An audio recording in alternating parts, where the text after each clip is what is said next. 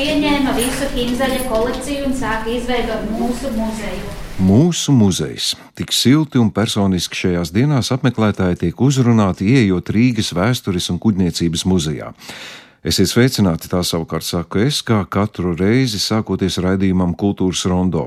Un šajā reizē aicinu jūs kopā ar mani doties uz muzeju, lai tiktos ar Rīgas vēstures un kuģniecības muzeja darbiniekiem, ieskatītos muzeja apmeklētājiem pieejamās un arī nepieejamās daļās, atskatītos uz muzeja vēsturi un iztēloties tā nākotni. Mūsu viesošanās reizē, protams, ir īpašs iemesls. Rīgas vēstures un kuģniecības muzejs šajās dienās svin savas pastāvēšanas 250. dzimšanas dienu. Šajā gadā ar pateicību tiks pieminēts Rīgas rātes 1773. gada 22. februāra lēmums apstiprināt pirmā publiskā muzeja dibināšanu Baltijā un nosaukt to par Himzela muzeju. Lēmuma pamatā bija Rīgas ārsta Nikolausa von Himzela novēlējums nodot sabiedrības apskatei un izglītošanai privāto dabas un mākslas priekšmetu kolekciju. Jubilejas gada garumā ik mēnesi tiks eksponēti vēsturiski priekšmeti ar saglabājušos uzrakstu vācu valodā uz papīra etiķetes, kas atspoguļo 18. gadsimta retumu kolekcionēšanas tradīcijas un veido muzeja simbolisko saiti ar tās pirmsākumiem. Nu tad varam durvis un ejam iekšā Rīgas vēstures un kuģniecības muzejā.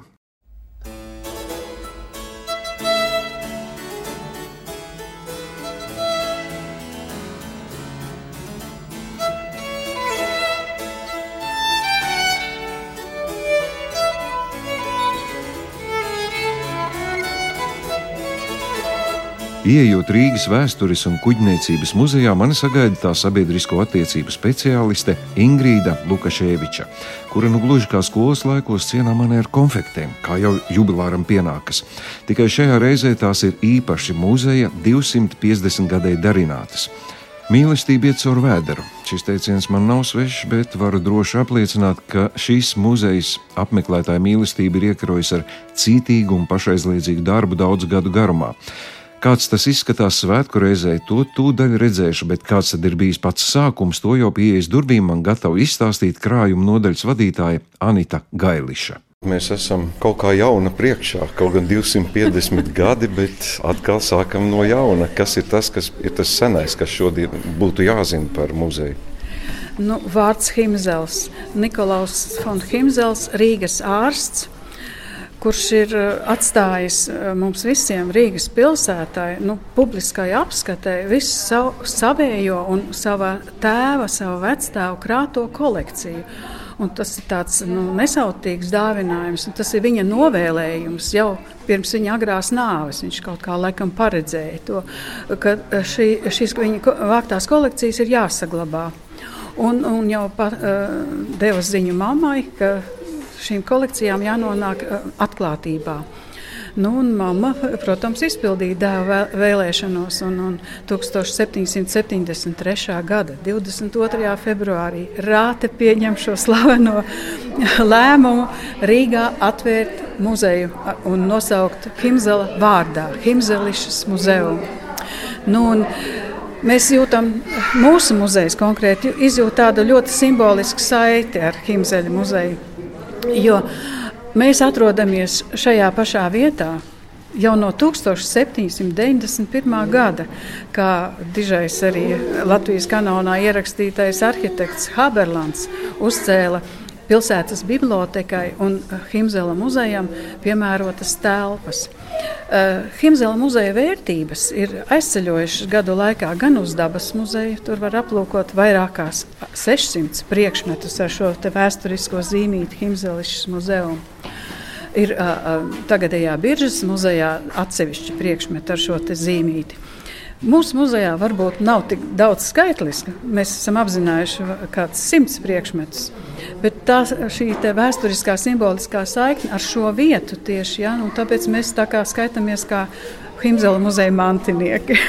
nu, ļoti lepojamies ar to un šodien tiešām izjūtam tādu īpašu, īpašu saviņojumu. Ienākot iekšā, mēs jau redzam vienu priekšmetu. Varat teikt, Jā. kas ir šis? Jā, nu tā tad mēs esam nolēmuši apmeklētājiem izrādīt šos priekšmetus ar šo zīmīti saglabājušos Himzelišas muzeju. Zīmīte uzlikta 1862. gadā. Nu, tā ir papīra zīmīte, vācu valodā uzraksts Himzelišas muzeum.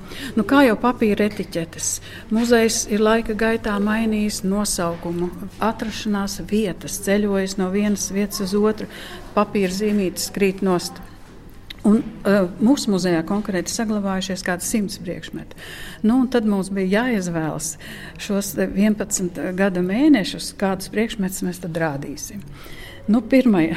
februāra mēnesim tika šī amizantā kastīte, kura mums te interesanti arī tehnolo, kā tehnoloģijas brīnums griežās. un, un rādam arī to kastītes eh, pamatnes eh, to dēlīt, kur, redzams, kur redzam arī šī etiķete.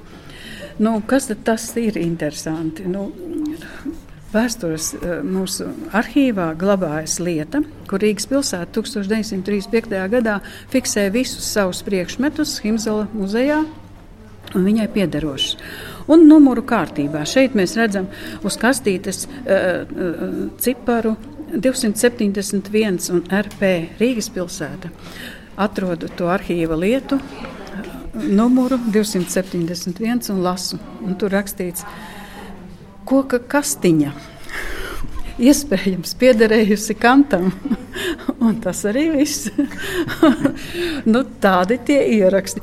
Rādskungi atnāk un, un nu, viņi pārvalda šo muzeju, šos priekšmetus, un kā viņi to, to redz, viņi to arī uzraksta tajā dokumentā. Nu, nu, tas ļoti labi noderēja februāra mēnesim, jo mēs tomēr uz, uzskatām, ka muzejs ir tajā apgaismības slavenajā laikmetā uh, radies. Kants tomēr saistīts arī ar Rietumē Eiropas filozofiju. Un, un tad mēs izvēlējāmies šo priekšmetu februāra mēnesim. Jo, protams, eh, tie priekšmeti ir tādi vairāk kā suvenīru veidus, eh, saglabājušies tur no Ķīnas, šaha figūriņas, tur kaut kur no, nezinu, no kurienes kaut kāda kokos rieksta čaulas izgrieztas. Nu, absolūti, nu, nu, nekas tāds nav, bet nu, tā bija 18. gadsimta kolekcionēšanas mode atvest kaut kādus suvenīrus. Un beigās jau tad veidojās arī tās mākslas un vēstures kolekcijas. Bet nu, tāds um, nu, pierādīt, kuram no kantiem to Jā. nevar, bet pieņemsim, ka Imanēlam varētu būt. Bet varbūt brālim, varbūt brālim Johanam Heinricham Kantam, kurš strādāja tieši par mājas skolotāju latviešu skolās. Un kastiņa jau nu ir tāda tā kā vietējs izstrādājums, Latvijas izstrādājums. Nu, iespējams, kāds skolnieka tēvs ir ģimenes loceklis uzdāvinājis skolotājam kantam, bet uh, ticamību šim kanta vārdam dod arī tas dāvinātājs Himzela muzejam 1861. gadā. Un tas ir viens Rīgas gruntīgs vēsturnieks, filozofs, kolekcionārs Reinholds Filips Šilings.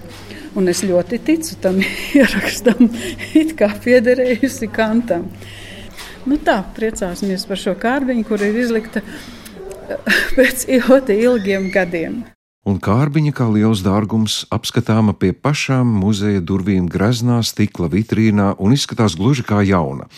Un te nu nāk prātā cilvēki, kas ikdienā rūpējas par to, lai muzeja eksponāti ne tikai tiktu saglabāti, bet nereti tiek atgriezti savā labākajā izskatā. Tie, protams, ir restauratori, kuri arī šajā muzejā strādā jau daudzus gadu desmitus. Lai parunātu par restaurātoru īpašo lomu, dodos izvaicāt galveno krājumu glabātāju Agitu Ančupāni. Cik daudz restaurātoriem varam pateikt paldies par to, kas ir jūsu krājumā?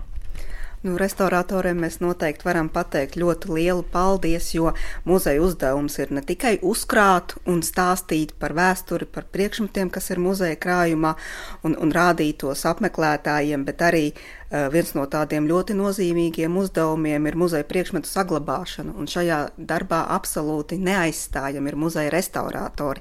Tādēļ šogad marta beigās mēs atklāsim arī izstādi, Eh, kur parādīsim pēdējo 50 gadu muzeja restaurātoru izcilākos, skaistākos un interesantākos priekšmetus, kur uh, dažiem darbiem restaurācijas process aizņēma pat vairākus gadus.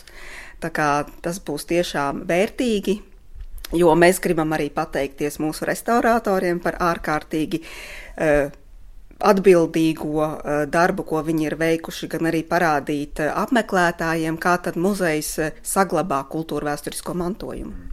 Vai šai izstādē speciāli kaut kas tika veidots, vai tas vienkārši ir darba rezultāts darba procesā?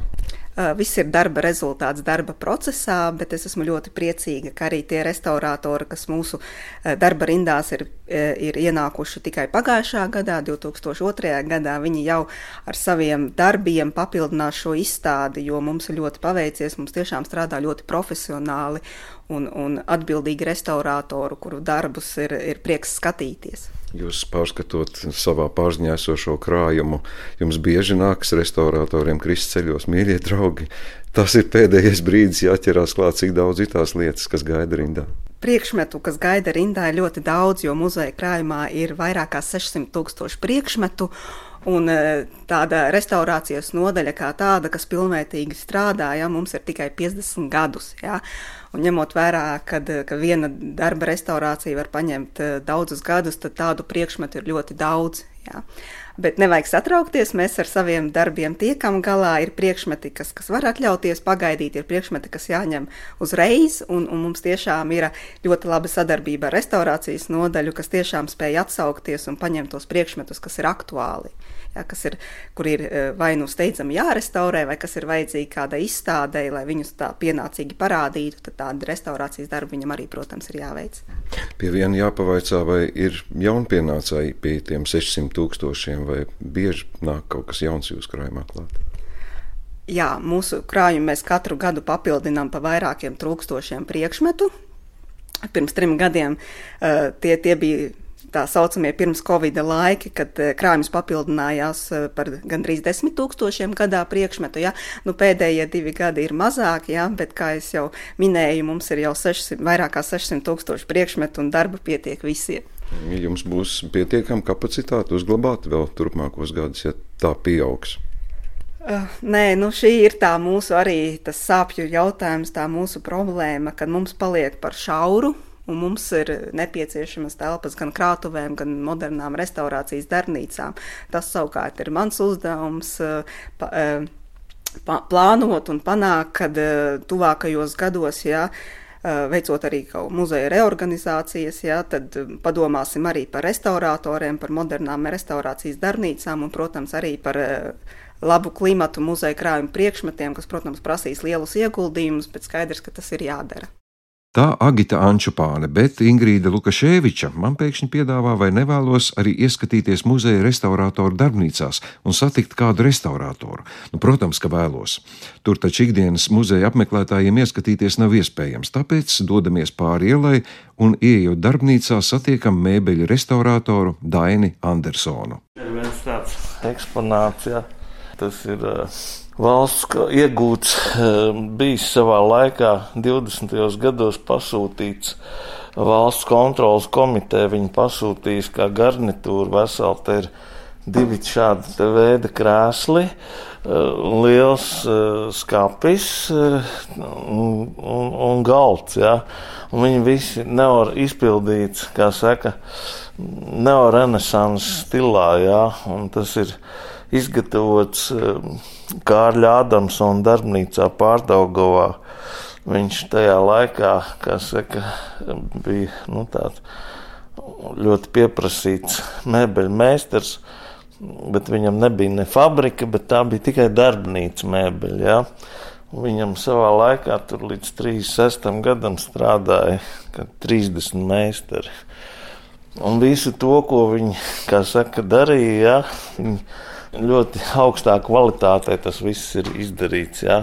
Šie kogriezi un viss. Cik priekšmeti ir izgājuši pa, pa visiem darba gadiem cauri saskaitīts?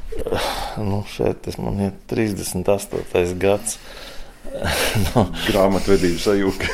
Nē, nav skaitīts. Tas, tas būs simtos. Bet jums tagad jūs stāstat par šo krēslu. Tas jūs par katru priekšmetu vienmēr arī izinteresēties to vēsturi. Tas ir būtiski. Nu, šeit ir tas moments, kad es iepriekš mums kultūras ministrija atdeva vienu grām, nu, skapi. Viņš ir kā grāmatskapis. Ja?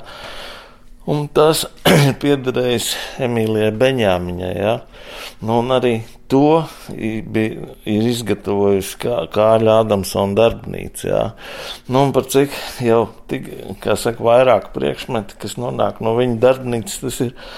Protams, interesanti šis izpētes darbs, ka tu sāc rakties kaut kur, kaut ko dabū rokā. Jā.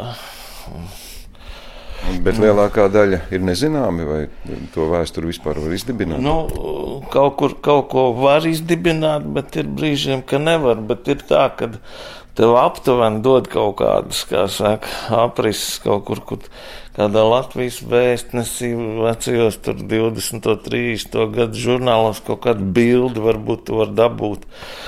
Nu, brīžiem tas arī gadās, kad tur ir tā mēbele tik tiešām redzama. Man tikai vajag redzēt to vienu vietiņu, kur man pietrūkst, lai es, kā saka, neviltotu vēsturi.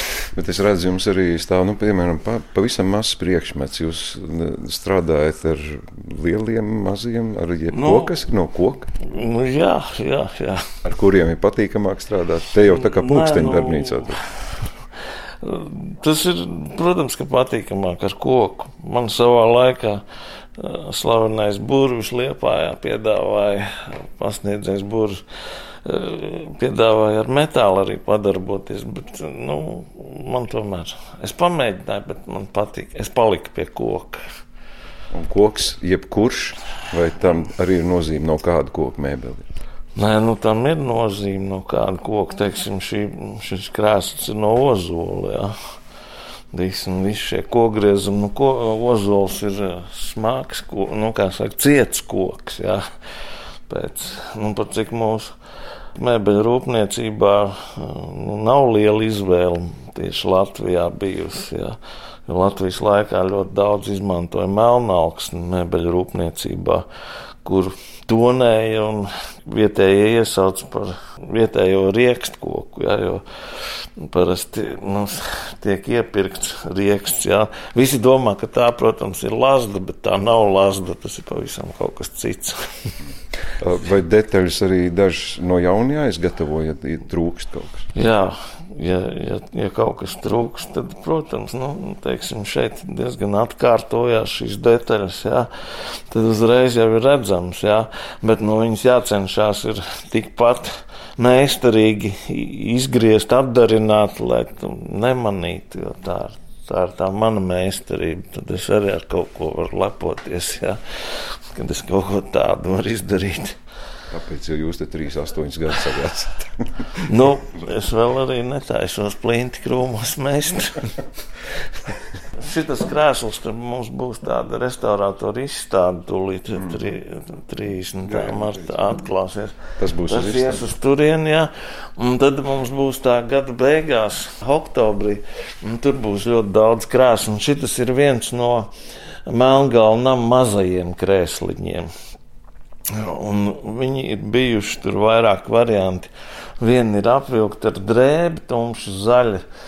Viena ir ar ādu apvilkta, bet tā āda jau sen ir zudusi. Tur ir, kā saka, tas ir dermantīns, kas ir savā laikā, laikam, kāds viņi ir iegūst no Rīgas vagonu rūpnīcas un ar ko elektriskām vilcieniem solis pārvilka. Nu, un, protams, arī tāds moments, kad tev arī jāpiemeklē šeit jau bija saucamās padomu laika dekoratīvās naglas. Jā. Šīs ir oriģinālās visas, jā, un tad man paveicās, kad es vienā Čiekur kalnu veikaliņā varēja nopirkt šādas naglas, kas ir diezgan līdzīgas oriģinālam. Ja. Tas jau arī mums tāds, nu, kā saka, meklēšanas darbs ir. Vai nu mēs internetā kaut ko atrodam, vai, vai, vai kaut kur atrodam. Ja.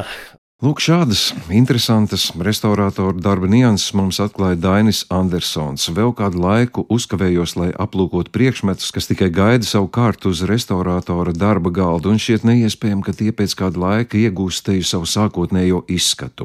Bet nu gan jāsteidzas atpakaļ uz muzeja telpām, kur mani gaida Latvijas kuģniecības vēstures nodaļas vadītājs Andris Cekuls, jo degu nepacietībā uzzināt kaut ko par no bērnības atmiņās iegulušajiem kuģu modeļiem. Man jau restaurātors lielījās, ka viņa kolēģi arī kuģus būvējot. Nu, tie kuģi, tie, kas puikiem nu, liek aizrauties Alpē no savas bērnības, atceros ienākot šeit. Vai tie ir tie unikālie, kas ir muzejā, ar ko var īpaši lepoties?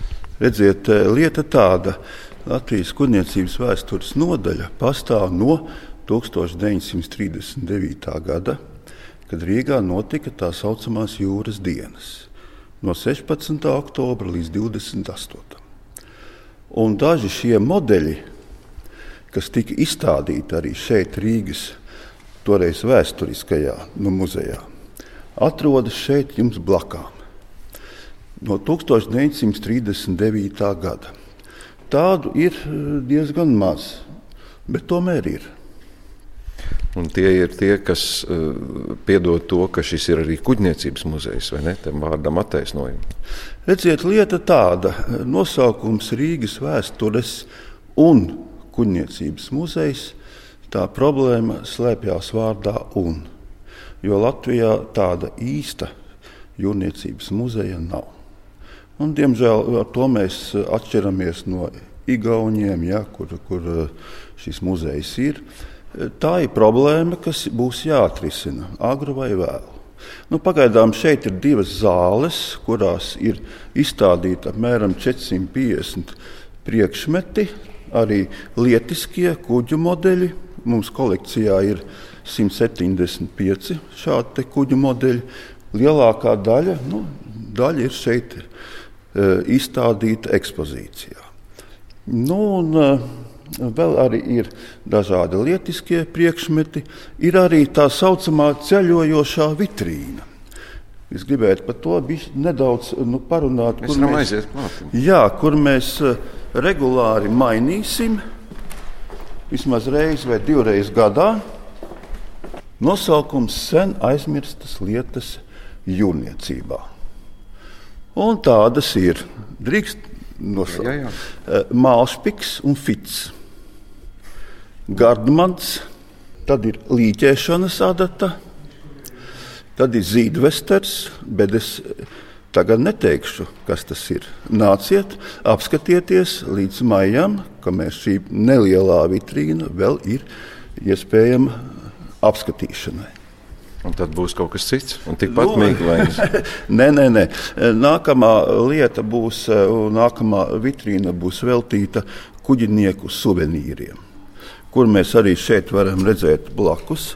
Vitrīnā tātad, eh, ko latviešu jūrnieki savos tālajos braucienos atveduši uz Latviju.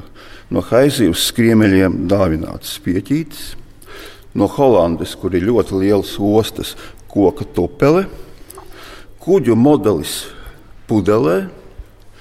Aprakstīts arī šeit ir, kā šo modeli dabūt pudelē, bet intrigas eh, dēļ es tos tagad negribu stāstīt. Tā kā nāciet uz muzeju. Labi, nu, ja vēl pie, atgriežoties pie tiem modeļiem, vai tas slavenākais ir tas lielākais vai tomēr ne? Uh, Nē, kādreiz arī tas pats mazākais ir. Jo tas tomēr ir ļoti saistīts ar vēstures nu, notikumiem. Piemēram, eh, Tvaikonis Sarauto, kur atradās Latvijas pagaidu valdība savā laikā. Šis ir viens no pēdējiem atjaunotajiem modeļiem mūsu Latvijas kuģniecības vēstures ekspozīcijā. Un šeit, protams, arī Ledlauzis, Krišānis, Valdemārs blakā. Ja? Bet nu, šie ir tie, kas ir tie pēc manām domām būtu tie, tie nu, pēdējie, tie labākie. Vai tie, kas nav redzami un izstādīti ikdienā, tur ir kaut kas sagaidāms, ka varētu kādreiz arī redzēt publikos? Nu, ja mana paudze to neredzēs, tad nākamā. Jo viss atkarīgs no finansēm, kā jūs pats to ziniet. Ja? Un, un, protams, ka mums arī viss, kas ir daudz maz sakārtots, ja? jo redziet, kuģis ir tomēr ļoti, kuģa modelis ļoti nopietna lieta. Viena kuģa modeļa veidošana, piemēram, Tvaikons Sarātovs, tas tika uzbūvēts šeit, uz vietas, apmēram trīs gadu laikā. Te ir jāizvirpo visas metāla nu, detaļas, jā, un kuģa korpus ir jāizgatavo. Un tie, kas krājumā, tie jārestaurē? Lielākā daļa jā. Tas, kas ir daudz maz, kā jau teicu, to minēju, nu, tos mēs esam izstādījuši šeit. Redziet, tā lieta ir tāda, ka tomēr divas nelielas zāles tas ir krietni par maz. Tā kā nākotnes uzdevums izveidot jūrniecības muzeju Latvijā. Pagaidām brauksim ar skaudību uz Igauniju. Nē, kāpēc? Es domāju, ka eh, arī Igauni kolēģi bijuši šeit, un viņi tiešām ir teikuši tā, ka jums ir, protams, konservatīvs tas muzejs, ja, šeit ekspozīcijas zāles, bet tik daudz kuģu modeļu viņiem pat nav. Skaudība laikam nebija tas pareizais vārds, kas man izspruka. Aizrautība un kopējas intereses noteikti vieno Andriu Cekulu ar kolēģiem arī ārpus Latvijas.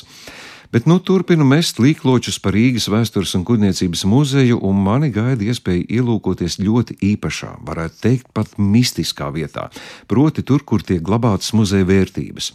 Tās izrādīt man solījusi krājuma glabātāja Antija Erdmane Hermane, bet, verot senlaicīgās durvis, mana pavadone Ingrīda Lukaševiča jau sāk stāstīt kādu īpašu stāstu. Senos laikos, pirms vairākiem gadu desmitiem, ir bijusi muzeja bibliotēka. Muzeja zinātniskā bibliotēka, kas tagad ir, bet atrodas citās telpās. Un lūk, šī ir tā vieta, kur esot satikts mūsu cienījamais sarkanais kardināls. Jā. Mūsu spoks, muzeja spoks. spoks. šeit dzīvo. Viņš, Un, Jā. un tā bija, ka pirmā darba diena man pagāja šeit labi, bet otrā dienā, kad es ierados, tad logiem priekš, iekšējā aizvirtņa visi bija atšauti vaļā. Tā bija svētība. Jā, tā bija atļauja šeit strādāt. Mēs ar viņu sarunājām. Jā, par to mums liecina divas uh, kolēģis, kas šeit agrā jaunībā ir strādājušas, uh, sākušas toreiz nu vēl. Nesen bija muzejā Ligita Kalniņa un Marija Tozoliņa. Jā, viņas ir sastapušas sarkano kardinālu. jā. Pašas. Tā kā iesim. Šeit glabājas dokumenti, kartes, plakāti, senas grāmatas, atlanti. Un kā vienu no tām es gribu parādīt. Lūk, šeit no arhīva mums ir izraksts ar Rīgas rātes protokolu ar datumu par šī muzeja dibināšanu. Lūk, ir datums 22. februāris pēc vecā stila 1773. gads. Un ma manā krājumā ir šis viens no priekšmetiem, no Himzela muzeja priekšmetiem, kas ir datēts ar 1694. gadu. Tas ir neliels kaligrāfisks e, rokraksts vācu valodā, pēc satura kateķisms, un pēc izskata tas ir kā kaligrāfisks mākslas darbs, kristietisks. Un otrā pusē mēs redzam Himzela muzeju. Lūk, un tātad es varu parādīt, kā jau zināms, pēc tam uzcēla šo te ēku, uz kuras durvīm skaisti ir rakstīts ar dieva palīgu pēcnācēji, patiesi godinot senču piemiņu, nodevuši un veltījuši restaurētu katedrāles bijušo klosteri mākslai un zinātnei. Tā kunga 1889. gadā to katrs var izlasīt latīņu valodā pie mūsu durvīm. Un vēl es vēlētos parādīt šo grāmatu. Tā ir viena no pirmajām otrā muzeja inventarizācijas grāmata, kurā rakstīja priekšmetus, kas ienāca muzejā. Šī grāmata sākas ar 1892. gadu, kā redzam, ar melnu tinti ir ierakstīti visi priekšmeti, kas ienākuši muzejā. Un mēs esam viens no tiem muzejiem, kas ir pamatus licis arī pārējiem Latvijas muzejiem. Mākslas muzejam, dabas muzejam, kur mūsu priekšmeti ir par pamatu. To var redzēt, teiksim, ir tāda lieta, kā Rīgā mums ir 2500 gadus veca mūmija, visi zina, un lūk, šīs te pie mums glabājas, kā viņa mums ir atsūtīta.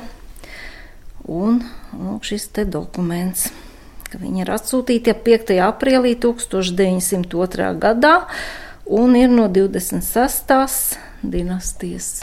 Es pieņemu, ka mēs te nekam daudz pēc tā kopskaita nevarēsim iziet cauri, bet jums paspruka manā krājumā, jūs teicāt, vai tas nozīmē, ka jūs šo darbu veicot, to uztverat arī personīgi? Tas ir, Jā. tā ir jūsu dzīve. Jā, bez šaubām tā nevar ne, nebūt dzīve, jo es saskaros ar tik daudz cilvēku dzīvēm. Ar, ar viņu ieliktajām lietām, un tie ir priekšmeti, tie ir mūža darbi. Un citreiz ir tā, ka ir Antona diena, un es Antona dienā ierakstu Antona dokumentus. Teiksim, Meijerovica, eh, un tas notiek eh, neapzināti, tas tā vienkārši notiek. Teiksim, Meijerovica piemiņas lapiņu es rakstīju tieši tajā datumā, kad Meijerovics tika izvadīts no domu baznīcas. Ja? Un tā, tā tas jāuztver, tie ir cilvēki dzīvi, viņu dzīves ar to Tas ir ļoti personiski iznāk. Jo viena mana kļūda, viena neprecizitāte, un es varu izmainīt viņu piemiņu. Tas ir ļoti nopietni. Ir, ir gadījies kļūdīties. To pierādīs nākamie vēsturnieki. Noteikti, jo tie tad pārlasa, bet, ka, lai nekļūdītos, tiek visi dati vairākas reizes pārbaudīti bez šaubām. Jūs rādat man tādas ļoti ievērojamas lietas, ko šobrīd arī radioklausītāji tikai var iztēloties, kādas tās ir. Sakiet, vai ir daudz tādas lietas, ko jūs pati vēl nezināt, un kas nākotnē jūs pašai rādī, rādītos kā atklājums, kaut kas, kas ir pilnīgi nezināms bijis? Protams, pie mums glabājas recepte mūžīgai jaunībai. Arī tā ir uzsākta tulkot. Nezinu, vai mēs to izmēģināsim, bet droši vien. nu, skatoties uz muzeju, muzejam varētu noderēt, jo Jā. 250 gadi viņš joprojām ir jauns. Jā, bez šaubām, kaut gan viens no ievērojamākajiem Eiropā, un es vienmēr lepojos, ka Lūvre tomēr ir jaunāka. Antija Erdmane Hermane vēl kādu brīdi turpina izrādīt savā pārziņā esošās bagātības, bet Ingrīda Lukaševiča mudina man ieskatīties vēl kādā nemazāk noslēpumainā muzeja daļā. Tas ir seifs, kur glabājas muzeja vērtības kaltas sudrabā un zeltā. To piekrīt parādīt numismātikas un dārgmetāla nodaļas vadītāja Inita Dzelme, un seifa durvis jau tiek vērtas vaļā. Nu, es te strādāju, tāpēc te ir tā darba atmosfēra. Šeit ir tie lielākie dārgumi, nu, seifā. Tāda, tāda, seifs, tāda dīvaina sajūta, atklāti sakot. Tā ir seifa telpa, kurā glabājās numismātikas un dārgmetāla nodaļas krājums. Te ir numismātika, medaļas, bonistika, priekšmeti, paleristika. Jā, viss. Nu, kā jau parasts apmeklētājs vienmēr ienāk, prasa, kas jums ir tas vērtīgākais, tas interesantākais?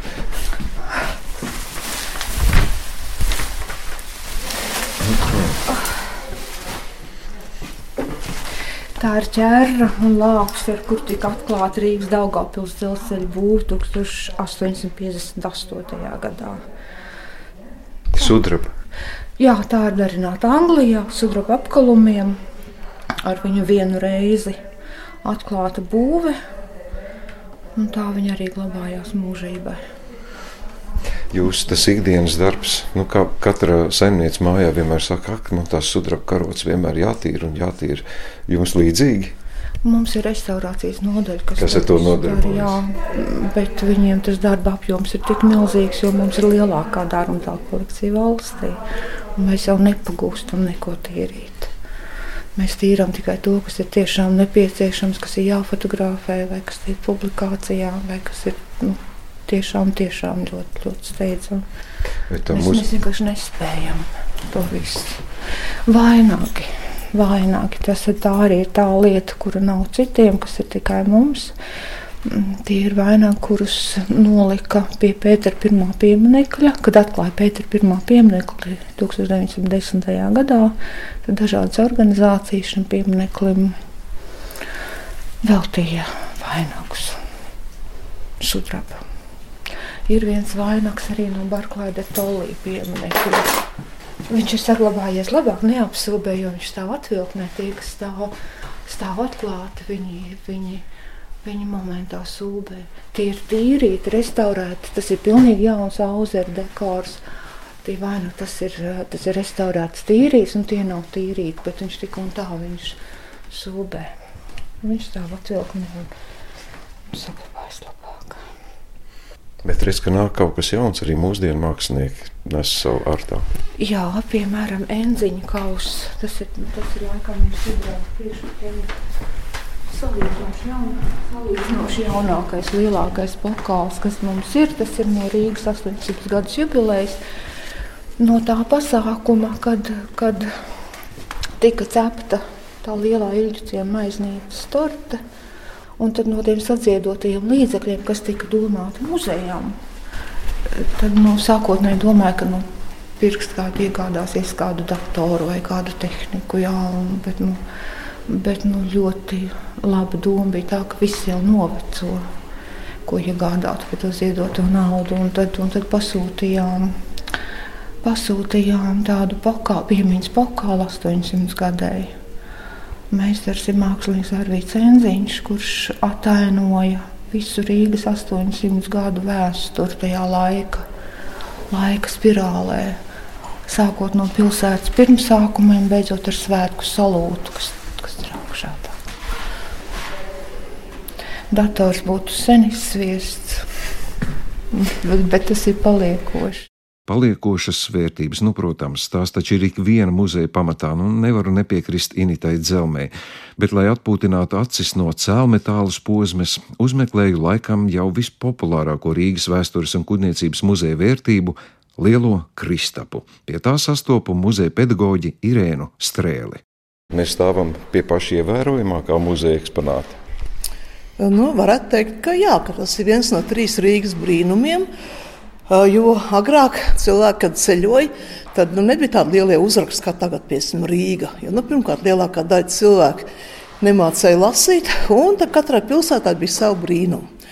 Un Rīgai arī bija trīs brīnumi, pēc kuriem nu, varēja piesim, pārbaudīt, vai tas ceļotājs ir bijis Rīgā vai nav. Un tad viņš, kad brauc mājās, tad prasīja, nu, kur tu biji Rīgā? Nu, pierādi, vai tu trīs Rīgas brīnums redzēji?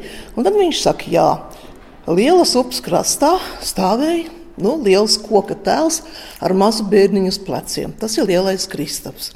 Tas ir pirmais brīnums. Otrais brīnums, ka šī pilsētā ir viens baznīcas tornis, kuram zvans karājās ārpusē. Nu, tā ir mūsu jēkaba baznīca, kur arī šodien ir šis zvans karājas ārpusē. Tas ir ļoti netipisks visā Eiropā, jo, nu, kā mēs zinām, parasti visi šie baznīcas zvani ir iekšpus torņa. Nu, un trešais, ka šai lielajai upei Daugavai pāri ir uzcelts plostu tilts, nu, kas arī 1701. gadā, kad bija Zviedri uzcēla, nu, tas bija tāds tehnikas brīnums visā Eiropā, un, nu, saka, jā, ar, ar ko īpaši mēs izcēlāmies. Tā kā trīs Rīgas brīnumi. Nu, un, protams, lielais Kristaps, šis oriģinālais 16. gadsimta tēls, kas stāv mūsu zālē, tas ir arī nu, viens no ievērojamākajiem mūsu muzeja eh, priekšmetiem. Ar kuru mēs lepojamies, un kur arī ļoti bieži mēs liekam gan savā reklāmas, reklāmās, un visur, kur nu, tas ir praktiski viens no lielākajiem priekšmetiem jā, mūsu muzejā, pēc kura var atpazīt jā, Rīgas vēstures un kuģniecības muzeju. Vai cilvēkiem nākot uz muzeju arī vienmēr ir tā vēlme redzēt tieši Kristapu, kas ir tas, ko jūs tieši gribat parādīt. Nu, jo ne tikai viņš, nu, te ir tik bezgalīgi daudz ko rādīt un stāstīt. Jums pašai ir kādas um, nu, tādas mīļākās, dārgākās, svarīgākās lietas, ko jūs gribat parādīt. Nu, jā, nu mēs, katram cilvēkam ir sava mīļākā tēma, ko viņš vislabāk zina, kas viņam visvairāk interesē. Nu, protams, ka tā, kad es atnāku, kad pie maniem atnāk, jā, kad ir grupas un cilvēki, kas grib kaut ko uzzināt, nu, lielākā problēma man ir tikt cauri arheoloģijai, Rīgas senākajai vēsturei. Nu, ja tā ir man vismīļākā tēma, jā, tad es varu ilgi un dikti un gari un plaši stāstīt. Bet, nu, Kas saka, visa Rīgas vēsture ir ļoti interesanta un priekšmetu ir daudz. Noteikti, ja tas stāstīja, ka tiešām ka te ir vairāk kā pusmiljons senu priekšmetu, un par katru priekšmetu var stāstīt, jo katram priekšmetam ir sava leģenda, savs stāsts, un ne tikai lielajam Kristapam. Jā. Ir kāda leģenda, ko jūs tagad varētu izstāstīt? Ne, nu, Rīgas populārākā leģenda jau ir par lielo zivi. To jau man liekas, visi bērni zina, pieaugušie. Un, un, kā mēs sakām, katrai leģendai ir sava daļa patiesība. Un, jebkurā vienmēr ir kaut kāda maza, maza daļiņa, bet tā būs taisnība. Un, piemēram, par to pašu lielo zivu. Nu, pirmkārt, arheoloģiskajos izrakumos tiešām ir pierādīts, ka šīs milzīgās stūres, ja, 2 līdz 4 metru garas, kas svēr līdz 300 kg, tiešām reāli tādas ir arī dzīvojušas. Viņas nāca Daugavā nārstot, un tad, kad viņas šeit iepeldēja Daugavā, tad Rīgas zvejnieki viņas ķēra un ēda. Nu, un šos stūru kaulus tepat zemē arī izmet, un mēs viņus atrodam. Un tad tā leģenda ir tāda, ka ik pa simts gadiem no Daugavas izpeld milzīgas zivs. Pirmajam pretim nācējam pusnaktī vaicā, vai Rīga ir gatava. Nu, ko jūs atbildēsiet, ja jums zivs pusnaktī uzdos šādu jautājumu? Protams, ka nē. Ja. Un kas notiks, ja jūs teiksiet, jā, viss ir kārtībā, viss ir uzcelts mums? Tad... Nedodies. jā, Rīgu atkal apludinās, un Rīga atkal būs zem ūdens. Tā kā tas šeit bija jau šī teritorija, kad bija zem ūdens, no nu, apmēram pirms 8, 9, 10 tūkstoši gadiem. Tad, kad bija lielais ledus ezers un kad šīs jūras, jā, ledus ezera krasts bija tur, kur tagad ir salas pils. Tā kā kādreiz jau tas, kā mēs sakām, viss jau nāk atpakaļ, vai ne? Un, un, un, un ģeologi ir par parēķinājuši, ka nu, apmēram pēc 4000 gadiem šeit atkal būs jūra. Jā, tā kā nu, viss gaidām. Nu, labi, ka mēs to nesagaidīsim, bet uh, Latvijas radio arī šeit nāk ne katru dienu. Tāpēc šodien, atnākot, es jums vaicāšu, šodien ir jubileja, vai muzejs ir gatavs? Jubilejai viņš ir daļēji gatavs. Jubilejai, jā, bet pats par sevi. Pats Kas ir tās lietas, ko jūs gribētu sagaidīt no muzeja, piedzīvot savā dzīvēm? Es pat nezinu, ne. man Tie cilvēki, kas šeit strādā, mēs esam tik ļoti apmierināti, mēs tik ļoti mīlam to savu darbu. Nepavēlt mums ir šie cilvēki, arī man jau šogad būs 30 gadi, kad es šeit esmu, kā es saku, aizķērusies. Jo tā kā es atnācu uz muzeju, man tā likās, ka nu, es te drusciņi pastrādāšu, un tad es noteikti iešu kaut kur tālāk. Nu, tad pirmie desmit gadi es to tā domāju, un tad pēc tam es sapratu, ka nē, ka man šeit ļoti patīk. Un tas tā ir liela laime, ja tu vari strādāt tādu darbu, kas tev patīk, kas tev interesē, kas ir praktiski gan izvēlēts kā tavs hobijs, un vēl algu par to saņemt. Nu, kur vēl labāk, ko vēl labāk var cilvēks vēlēties? Ne? Kā, ne, ļoti, nu, problēmas ir visur un būs vienmēr, bet tās viss ir atrisināmas. Galvenais, lai mēs būtu saticīgi, draudzīgi savā starpā. Un, un lai, nu, lai darītu savu darbu un mēģinātu saglabāt visu to, ko mūsu iepriekšējās paudzes, visi šie cilvēki, ko ir vākuši, vai ne, lai mēs to turpinātu, lai mēs viņu, nu, nedod Dievs kaut kas nepazust, neaiziet bojā. Un, Es nezinu, man ir tāda, varbūt es esmu savācis arī nelielu statistiku ne, par šo muzeju vēsturi, ka šo 250 gadu laikā mums ir bijuši 20 direktori. Ja, mūsu tagadējā direktori ir 20. Uh, ir bijušas četras sievietes tikai ja, no šiem 20 direktoriem. Visilgāk ir strādājuši nu, 19, no 18. gadsimta beigās, 20, 19. gadsimta sākumā bija tāds bērns. 33 gadus strādāja, un tad otra arī 33 gadus tā ir mūsu Klāra Radziņa, jā, kas, kas pavisam nesen tikai aizgāja. Tad 33 gadus būt par muzeja direktoru, jā, jūs iedomājaties, jā, kā, kā te ir. Un tad arī visa šī statistika, piemēram, mūsu muzeja vēsture, ka trīs reizes muzejs ir mainījis savu vietu. Nu, saka, viņš ir ceļojis, kamēr viņš ir nonācis. Nu, varētu teikt, labi, pēdējie 230 gadi viņš ir šeit, šīs telpās. Tad ir, man ļoti patika, ka, pieņemsim, Tad pašā 19. gadsimtā muzejs strādāja tikai divas dienas nedēļā. Tā bija trešdiena un svētdiena. Eh, vasaras sezonā no 1. maija līdz 1. septembrim muzejs bija slēgts. Ja? Tagad mums galvenā sezona ir vasara, kad mēs vispār strādājam katru dienu. Un tad pēc statistikas ir arī teikts, ka 19. un 20. Sāk, 20. gadsimta sākumā nu, gadā muzeja apmeklē apmēram 2000 cilvēku. Tagad mums tie ir kaut kur starp 40 līdz 50 tūkstošiem. Nu, tad vēl bija tā 1912. gada statistika, ka gadā ir novadītas 44 ekskursijas. Nu, mums tagad iet no 400 līdz 500 ekskursijām gadā. Tā kā, nu, kā, kā, kā šiem, man liekas, 250 gadi, ja mēs skatāmies, nu, Rīgā ir 800, un, nu, kas tas ir, vai ne tāds pēc vēstures, ja mēs skatāmies uz šiem seniem laikiem, nu, tas ir pavisam nesen. Bet, nu, kā mēs esam auguši un cik mēs esam gan arī pēc eh, tās pašas pēc izmēriem. Ja, ja mēs sākām šeit tikai ar divām nelielām telpām, tad tagad mums te ir piecas mājas un 12 ekspozīcijas zāles. Un, Un, ja te kādreiz strādāja no 10 līdz 15 cilvēkiem, tad tagad mums štāti ir kaut kur nu, kopā ar visām filiālēm pie 150 cilvēkiem. Tā kā nu, ah, izmaiņas te ir ļoti, ļoti lielas un nu, strādāsim. Lai kā arī gribētos, bet visus Irēnas strēles pieminētos 150 Rīgas vēstures un kuģniecības muzeja saimnes cilvēkus šodien mm, laikam satikt nepagūšu. Tāpēc, noslēdzot savu viesošanos, klauvēju pie muzeja 20. direktoras Lienas Johansonas Kuzminas kabineta durvīm, un tās man arī tiek atvērtas. Vēsture, vēsture, vēsture no vienas telpas otrā, bet uh, tomēr nākot iekšā muzejā šodien Es arī dzirdu daudz tos vārdus, ka muzejs mainās un muzejs kļūst jaunāks, lai cik tas paradoxāli neizklausītos. Kāds jums rādās tas tuvākais nākotnes laiks? Muzejs patiešām mainīsies, kas mainīsies vizuāli, kas mainīsies saturiski, vai ir iespējas kaut ko mainīt? Jā, nu tā tad eh, jums ir taisnība. Mēs eh, šodien uh, esam sev uzlikuši tādu uzstādījumu mainīties. Mēs to darām jau pakāpeniski, bet šodien tā ir tā oficiālā diena, kad pirmkārt jau vizuālās izmaiņas ir eh, redzamas, un eh, tas izpaužas mūsu jaunajā vizuālajā konceptā, kas nozīmē, ka esam mainījuši gan iestādes logo, gan eh, visus informatīvos materiālus, gan virtuālajā vidē, gan arī klātienē. Protams, šis process turpināsies vēl ilgi, bet nu šodien tātad iezīmējam pārmaiņas. Eh, vai var eh, jaunu muzeju šajā brīdī radīt? Tas ir tā.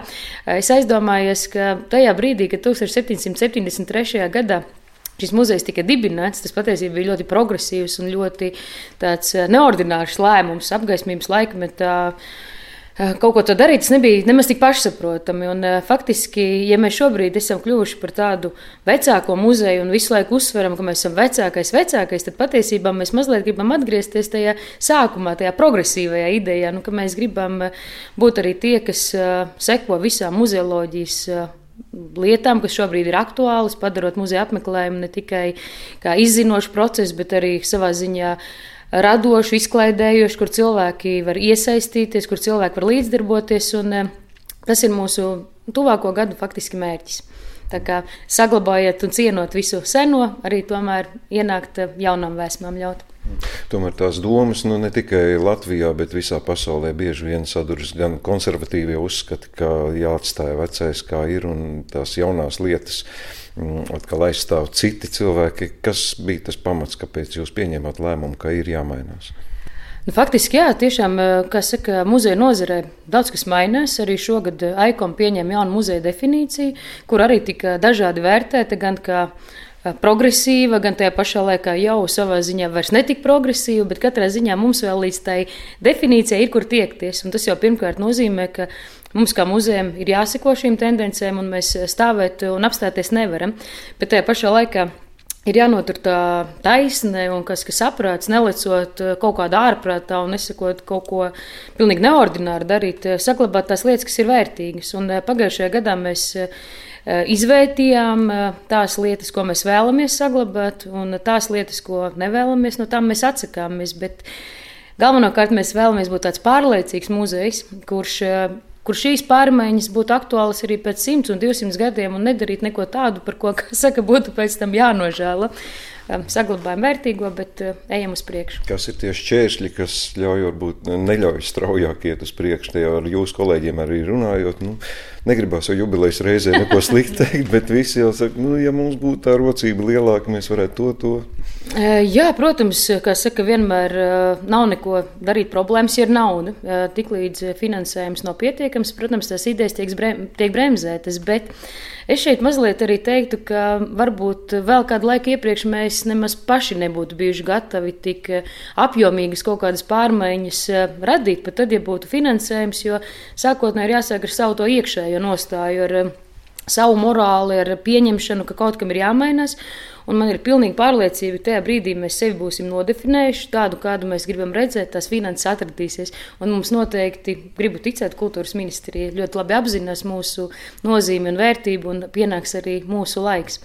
Bet, eh, protams, jā, finanses nekad nevar būt par daudz. Bet nākotnē tās varētu būt tehnoloģijas, kas ienāk, kā tagad parasti saka, interaktivitāte un tādas lietas, kas varētu būt arī jūsu muzejā. Es jau teiktu, ka vispār ir jāsāk sakārtot arī pat infrastruktūru, jo, godīgi sakot, arī ēka ir diezgan mm, saka, bēdīgā stāvoklī. Un, faktiski ienest jaunu ekspozīciju iekšā telpās, kas pašas nav savestas kārtībā, nebūtu saprātīgi. Tādēļ nu, man skatījums tāds, ka ir jāsāk kompleksi līdzīgi kā savulaik mākslas muzejs piedzīvo šīs grandiozās pārmaiņas ir jāsaved kārtībā ēka, kas ir tās lietas, par ko neviens zinātnieks nerunā, bet šīs te, kas sākot no kanalizācijas, elektrības un tam līdzīgām lietām. Faktiski tas kodols, un pēc tam, tad, protams, var ienākt jaunās ekspozīcijas, kur, kā jau es minēju, mūsdienu cilvēks vēlas darboties, saprast, izprast ar citiem paņēmieniem, un tam, tam noteikti ir jāienāk mūsu muzejā. Tas varētu būt tā, ka muzejs tiek slēgts uz remontu. Tāda perspektīva ir pakāpeniska pa vienai telpai. Šie ir tikai, kā saka, mūsu sapņi šobrīd, vai ne? Mēs esam, protams, dažādi runājuši arī citos eh, līmeņos par šo visu, bet šobrīd tas uh, nav prognozējami. Mēs, teiksim, neesam tik tālu tikuši, lai es šodien jums varētu pateikt, ka gadā tajā un tajā mēs varēsim izvākties vai ievākties, bet tas katrā ziņā tas process būs ļoti, ļoti sarežģīts. Tas nu gan mums ir ļoti skaidrs šodien. Es jums novēlu, lai tas notiek pirms 300 gadu jubilejas.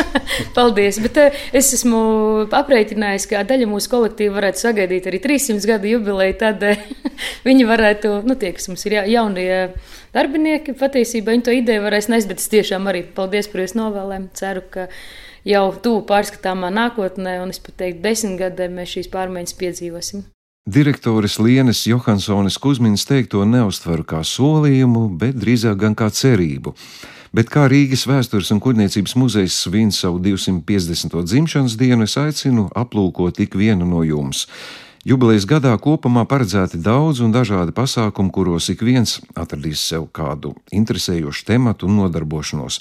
Jau šodien, 25. februārī un rīt 26. februārī laikā no 10.10 līdz pat 8.00 vakarā Muzeja pastāvīgās ekspozīcijas un Rīgas doma krustē būs tērptas svētku gaismās, īpaši izceļot muzeja nozīmīgākos un sabiedrībā zināmākos eksponātus, nu kā piemēram Lielo Kristapu un Rīgas kuģi. Bet šodien gan es saku jums paldies par klausīšanos, atvados no Rīgas vēstures un kuģniecības muzeja.